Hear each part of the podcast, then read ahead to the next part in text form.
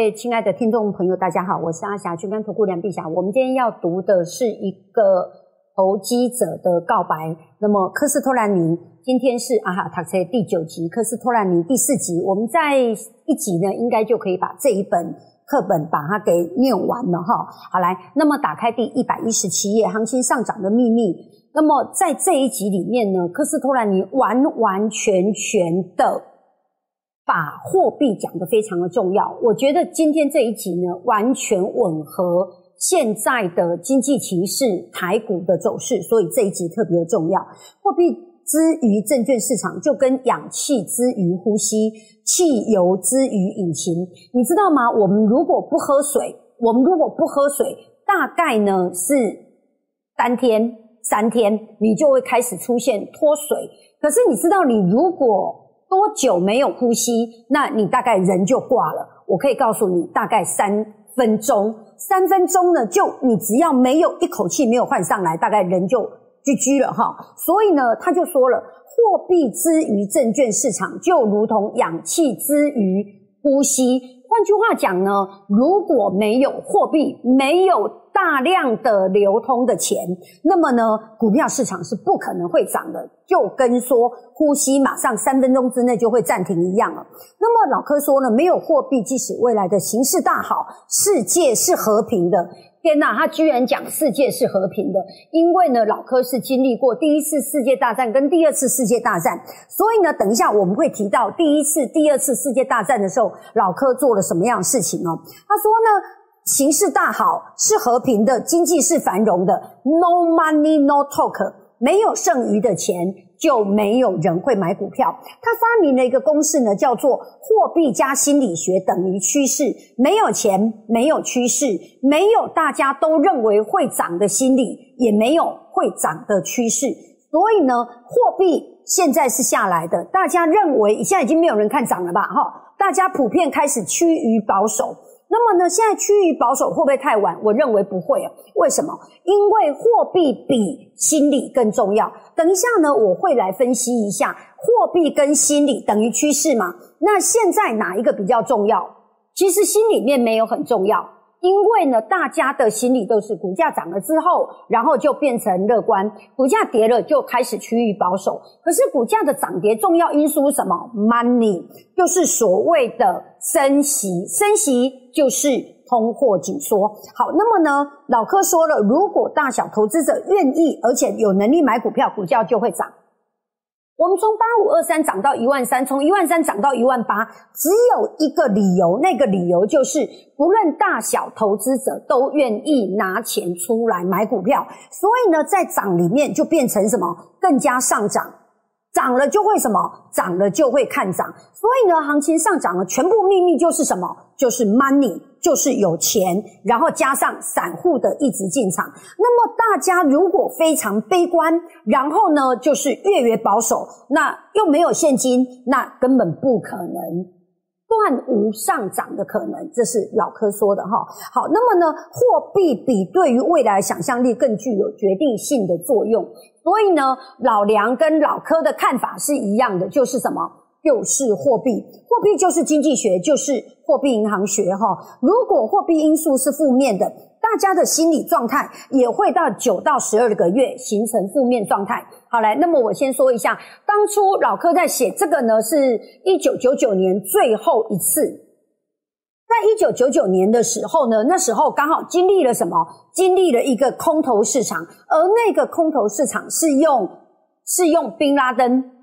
去两台飞机撞美国九幺幺双塔而结束空头市场。换句话讲呢，在大利空出现之前就已经什么就已经是空头市场了。再来一次哦，我要说的事情是，当初老柯说九到十二个月，我认为会加快，我认为会加快，因为这已经是二十年前的他的投资心得了。所以呢，现在当资讯越来越。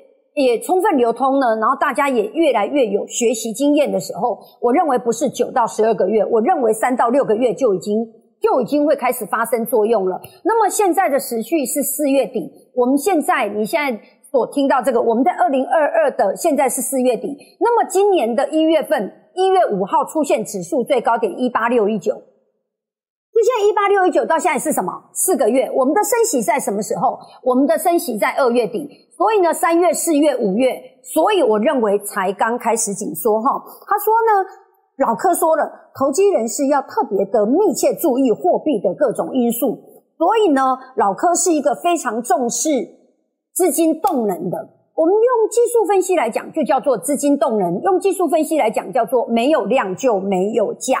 好，那么老柯说，通货膨胀只有与之对抗才有才会有害哈。我简单把这两句话讲完哦。他的意思就是说呢，我平常所讲的温和的通货膨胀是股价上涨的推手。温和的通货膨胀，那什么叫温和的通货膨胀，或者是已经造成伤害的通货膨胀呢？你跟我都不知道，可是谁知道？央行知道。所以呢，央行如果要去对抗那一个通货膨胀的时候，它一定就是什么？珍惜。老柯说了，当要对抗通货膨胀的时候，就会对股票市场造成伤害。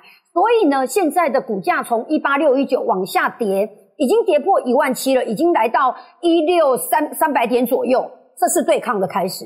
我认为这是对抗的开始。所以他说，这个通货膨胀基本上呢，在正常时候呢，只要央行是不对抗它的，那么股价就继续上涨。如果央行对抗它，那就是什么？就会产生负面的作用了哈。好，那么他就说了，非常重要的第一百二十四页这句话要画起来：通货紧缩是证券市场的最大灾难。升息会造成通货紧缩。什么叫通货紧缩呢？就是外面流通的钱变少了，你就先把它定位成这样哈。好，那么谁大大家只要手中都是握着现金，那么你就不会消费，也不会投资嘛。所以证券市场怎么涨就不会涨啦。那于是呢，我们在央行的政策里面。为了避免物价失去控制，所以升息，升息造成国民所得下降，所以股票市场都最后是什么？用崩盘。来，他讲到了利率的敏感度，因为利率呢导致了经济危机。再重新说一次，因为企业筹资利率高，就会筹资费用太高，所以企业就会停止投资。企业停止投资，你就没有更多的就业机会。证券市场应该对利率要非常非常敏感的，老梁跟老柯都一样这样看法。所以这一次呢，我是用经济学来研判，一万八千点以上是投。对我是用经济学研判的，因为呢，在一万八千点之上呢，完全没有任何利空消息。那么现现在等到大众呢，才开始用什么？用很多的利空来说哦，当初是投，甚至呢还一路往下摸底。各位，这是不一样的哦，这是完全不同的投资的高度。我再重新说一次，一万八千点，我是用经济学来告诉你，一万八千点以上都是投，甚至我的多单是在一八六零以上，在卖卖方嘛，就什么，就是货币政策。所以货币政策超级重要的原因是在于，它可以，它可以让你感受到政策改变的时候，你就会马上要改变了，不能等到股价下来的时候，你才说，呃，通货紧缩了，或者是趋势改变了。趋势其实在四个月前已经改变了，大家可以了解我意思吗？这个行情是没有底的，因为老柯说了，他说股票什么时候才会上涨？利率上涨的时候。所以呢，现在距离利率上涨是非常遥远的一件事情，非常遥远。所以这个大盘是没有底的哈。因为呢，他说了，老柯说的，他说利率才刚什么，才刚升息的时候，股票市场是一路往下跌的。很多人问他说，老柯，老柯，那要跌到什么时候呢？他就说了，跌到利率上涨为止。天呐，你知道，你到目前为止有听到谁说利率要上涨吗？没有。美国的 Fed 都说什么？五月份还要再升息七次，所以这个台湾股市是没有底的哈。好来，于是开始来喽。第一次世界大战的时候呢，那么老柯呢，一九五五年，好，那老柯呢就买股票。那买股票呢，他说那时候呢，艾森豪总统忽然心脏病发作，结果第二天的股票就大跌。然后呢，克斯托兰尼被扣马菌，被扣马菌。从那次之后，因为他的信用额度全部用完了嘛，所以呢，他被 call margin 的时候呢，他是被杀还自杀？他自杀，他就自己把很多股票全部都把它卖掉，那当然全都全部都亏钱嘛，全部都亏钱。好，从那次之后呢，他就知道了，他说呢，如果呢我在做投机的行为的时候，我一定手上要留一份钱，而不要 all in。对，尤其什么？他那时候是追空了。到了一九六二年的时候呢，法国总统戴高乐呢，他想要放弃阿尔及利亚。那可是问题是呢，有四个将军叛变，哈，有四个将军叛变，所以那时候法国的股市呢，就啪就给它下去了，又大跌了，又大跌了。好，那可是那一次呢，克斯托兰尼就避开了。为什么避开了？因为很简单，他说呢，他得到一个。肯定的结论，那个肯定的结论就是呢，千万不能借钱买股票，尤其在大涨一段以后。各位亲爱的，我们回想一下，我们回想在在一万八千点的时候，是不是大家都还在很多人借钱买股票？是的，因为那时候刚好台湾遇到疫情，所有人都躲在家里面，把股票当成是娱乐哈，这不就是崩盘的现象吗？郁金花，你还记得吗？荷兰郁金花，等一下我们会讲到哈。好，那么呃。爱因斯坦曾经说过了哈，想象力比知识更重要哦。想象力比知识更重要，也就是呢，现在的多头都会沿路找底，例如说一六一六九啦，一五一五九啦，什么什么这些，这些我都帮你想过了哈，这些全部都叫头，不叫底哈。那老柯说了，有耐心才能进入市场。他说呢，获利的机会是做出来的，哪一个做呢？屁股坐在板凳上那个坐。这类的对吧？哈，是北卡卡布朗诶，所以不是你看到，不是你看到低点，然后你就进去抄底哦，然后那个就叫底，没有，通常是在下跌的过程中。老柯对于这一点讲的，我觉得我自己是觉得就心有戚戚焉哦。他说投机的钱都是痛苦钱，很多人以为我们赚钱很容易哦，事实上呢，投机者的钱是痛苦钱。第一百四十三页，他说呢，我把。这个痛苦钱呢，当成是一个座右铭。你要先有痛苦，才能有金钱。对我自己是认为，我当投顾老师是算是成功的，但是其实我的内心是一直非常的痛苦哦。我做每一个决策，我一直是非常的痛苦。为什么？因为呢，我要等，对我要等，然后呢，我要去预判。所以预判是一件非常难的事情哦。有一个数学公式，刚刚不是讲了吗？货币加。心理等于什么？等于行情嘛？刚才的等式，那么克斯托兰又发明了一个公式，叫二乘二等于五减一哦。也就是说，当有预期，当有货币之后呢，它会乖乖就等于是嘛？不会哈，它是一个往前先往前冲，再减掉一。所以呢，二乘二等于五减一，有没有像有一点那个一个主人，然后小狗跑来跑去？所以会不会往前跑？会往前跑到五，然后再回来退到退一，然后再回到中心点哈？好，那另外还有个什么，就是二乘二等于五减一，它有一点像艺术。对，有时候呢，张张大千的那个画，那个美女图，到底那个手美在哪里啊？我都觉得阿霞的手比那个手更漂亮哈。可是问题是呢，这个艺术就是差那么一点点，就差非常多哈。最后他说了，还需要一点运气，这是我非常赞成的。我的运气一直非常的好。那么我介绍一下科斯，呃，我介绍一下科斯托兰尼的鸡蛋理论，好不好？其实说穿了根本没什么。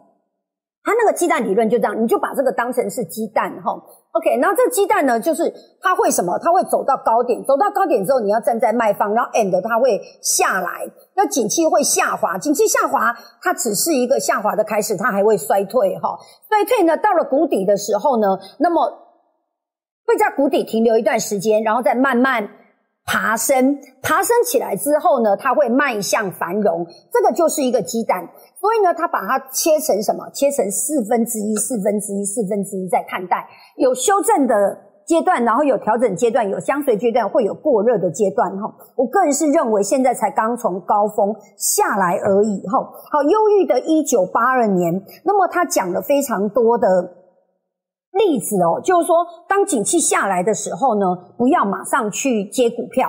对，所以他最后才会得到一个结论，说要跌到什么时候？要跌到利率开始上涨的时候。那我认为利率上涨，那已经是遥遥无期哈。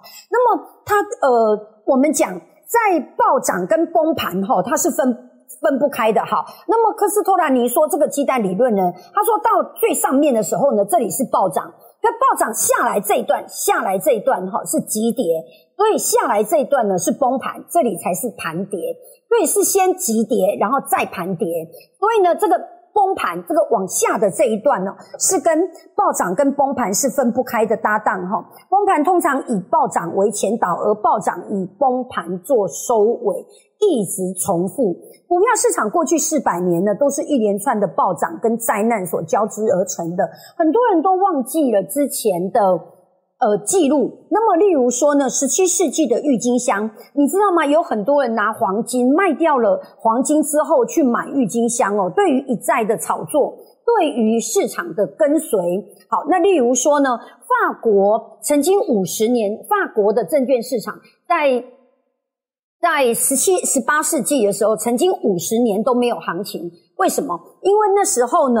呃，曾经崩盘过。路易十五的叔叔呢，找了一个数学家，然后跟他跟数学家讨论说：“哎呀，听说你是天才，请问呢，我要如何治理这个国家？”于是那个数学家呢，那个天才就告诉路易十五的叔叔：“哈，就非常简单的，你就让股票市场涨就好了。”真的，他真的这样讲。我跟你讲，这个那起码共为代级都是五百年前就发生的哈。好，那么于是呢，他这要怎么样能够让股票市场涨呢？啊，非常简单哈，你就把股票呢，你就发行股票，然后把它推到证券市场里面去，然后呢，推到证券市场里面去呢，再让股价上涨之后，大家都觉得有赚到钱了，那经济就起来哈。那经过细算之后呢，路易十五的这个叔叔觉得非常的有道理哈，所以那时候就在。所有宣传管道里面呢，然后就宣传说，再过来有什么股票要上市了啊，大家可以买哦，因为预期非常的好。各位听到这里有没有想到什么哈？我跟各位举两个例子。台湾股市之前第一次崩盘呢，从两百多点涨到五百多点，涨到六百多点，好，涨到了七千点的时候呢，中钢的民营化，你还记得吗？那时候呢，呃，我年纪。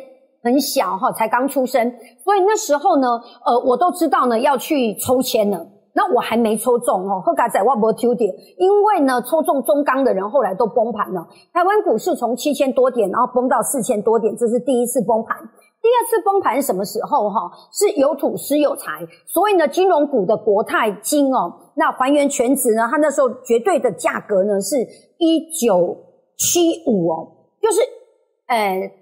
三十年前，你买一张国泰人寿，那时候是国泰人寿，你要花将近两百万哦，那当然是崩盘了哈。所以大家都觉得哇，土地非常的稀有，然后谁握有最多的土地，当然就寿险公司嘛哈，那当然就大崩盘。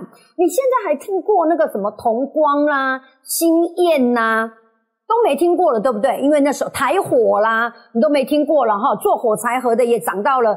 呃，五六百块哦，那现在都全部下市了。所以呢，大家对于投机呢是非常的反感。可是问题是呢，老柯又说了，人是非常健忘的哈。那么，呃。一九二九年呢，世界经济上的最大金融灾难哦，大家现在都已经忘记它了，对不对？那个叫做黑色星期五。黑色星期五是下面挖哥哈，我简单的说几句话哈。那么美股一九二九呢，是那一年呢就直接大崩盘。其实我觉得今年还蛮像的，因为我觉得今年还蛮像的，今年还蛮像什么？一九九零年的一二六八二跌到二四八五哈。对，然后也很像美股的一九二九年呢，各位要非常小心。好，那么我先说一下，在美股的一九二九年呢，例如说克莱斯勒那时候呢是一百三十五块美金哈，你猜后来涨到多少？对，后来跌到多少？一百三十五跌到五块美金，一百三十五变五块哈。通用汽车高涨二块，变成四块半哈，然后奇异呢两百二。那变成多少？变成二十哈，所以股灾呢是任何价格都会出现的。好，那么各位亲爱的，这是今天的一个投机者的告白。好，那么我来做一个结论，这个结论是这样哈。呃，一旦空头市场来临呢，不要试着摸底，因为会出现你想象不到的空头市场的价位。那空头市场呢，在老科的眼里面要跌到什么时候？哈，他说任何的价格都有可能出现嘛，哈，所以会跌到死为止，哈。那其中只有个指标呢，能够让大家呢在死亡里面再重新获得希望，那就是利率的升息。我跟各位报告，目前完全没有听到利率升息。那么完全只听到利率要升息，所以呢，我大胆研判，距离台股底部还非常非常非常用了三个非常非常遥远。我是梁碧祥，我在君安投顾，感谢您收听今天的阿哈塔在第九集，科斯托兰尼第四集。大家给我们按赞、订阅、分享，按赞、订阅、分享。喜欢这样的单元吗？请你留言给阿翔，对于阿霞莫大的鼓励。我们最后呢，在下个礼拜再一起，然后我们就进入了经济学思考。我教各位经济学 and 如何用经济学思考。感谢您收听，我们下礼拜再见，拜拜。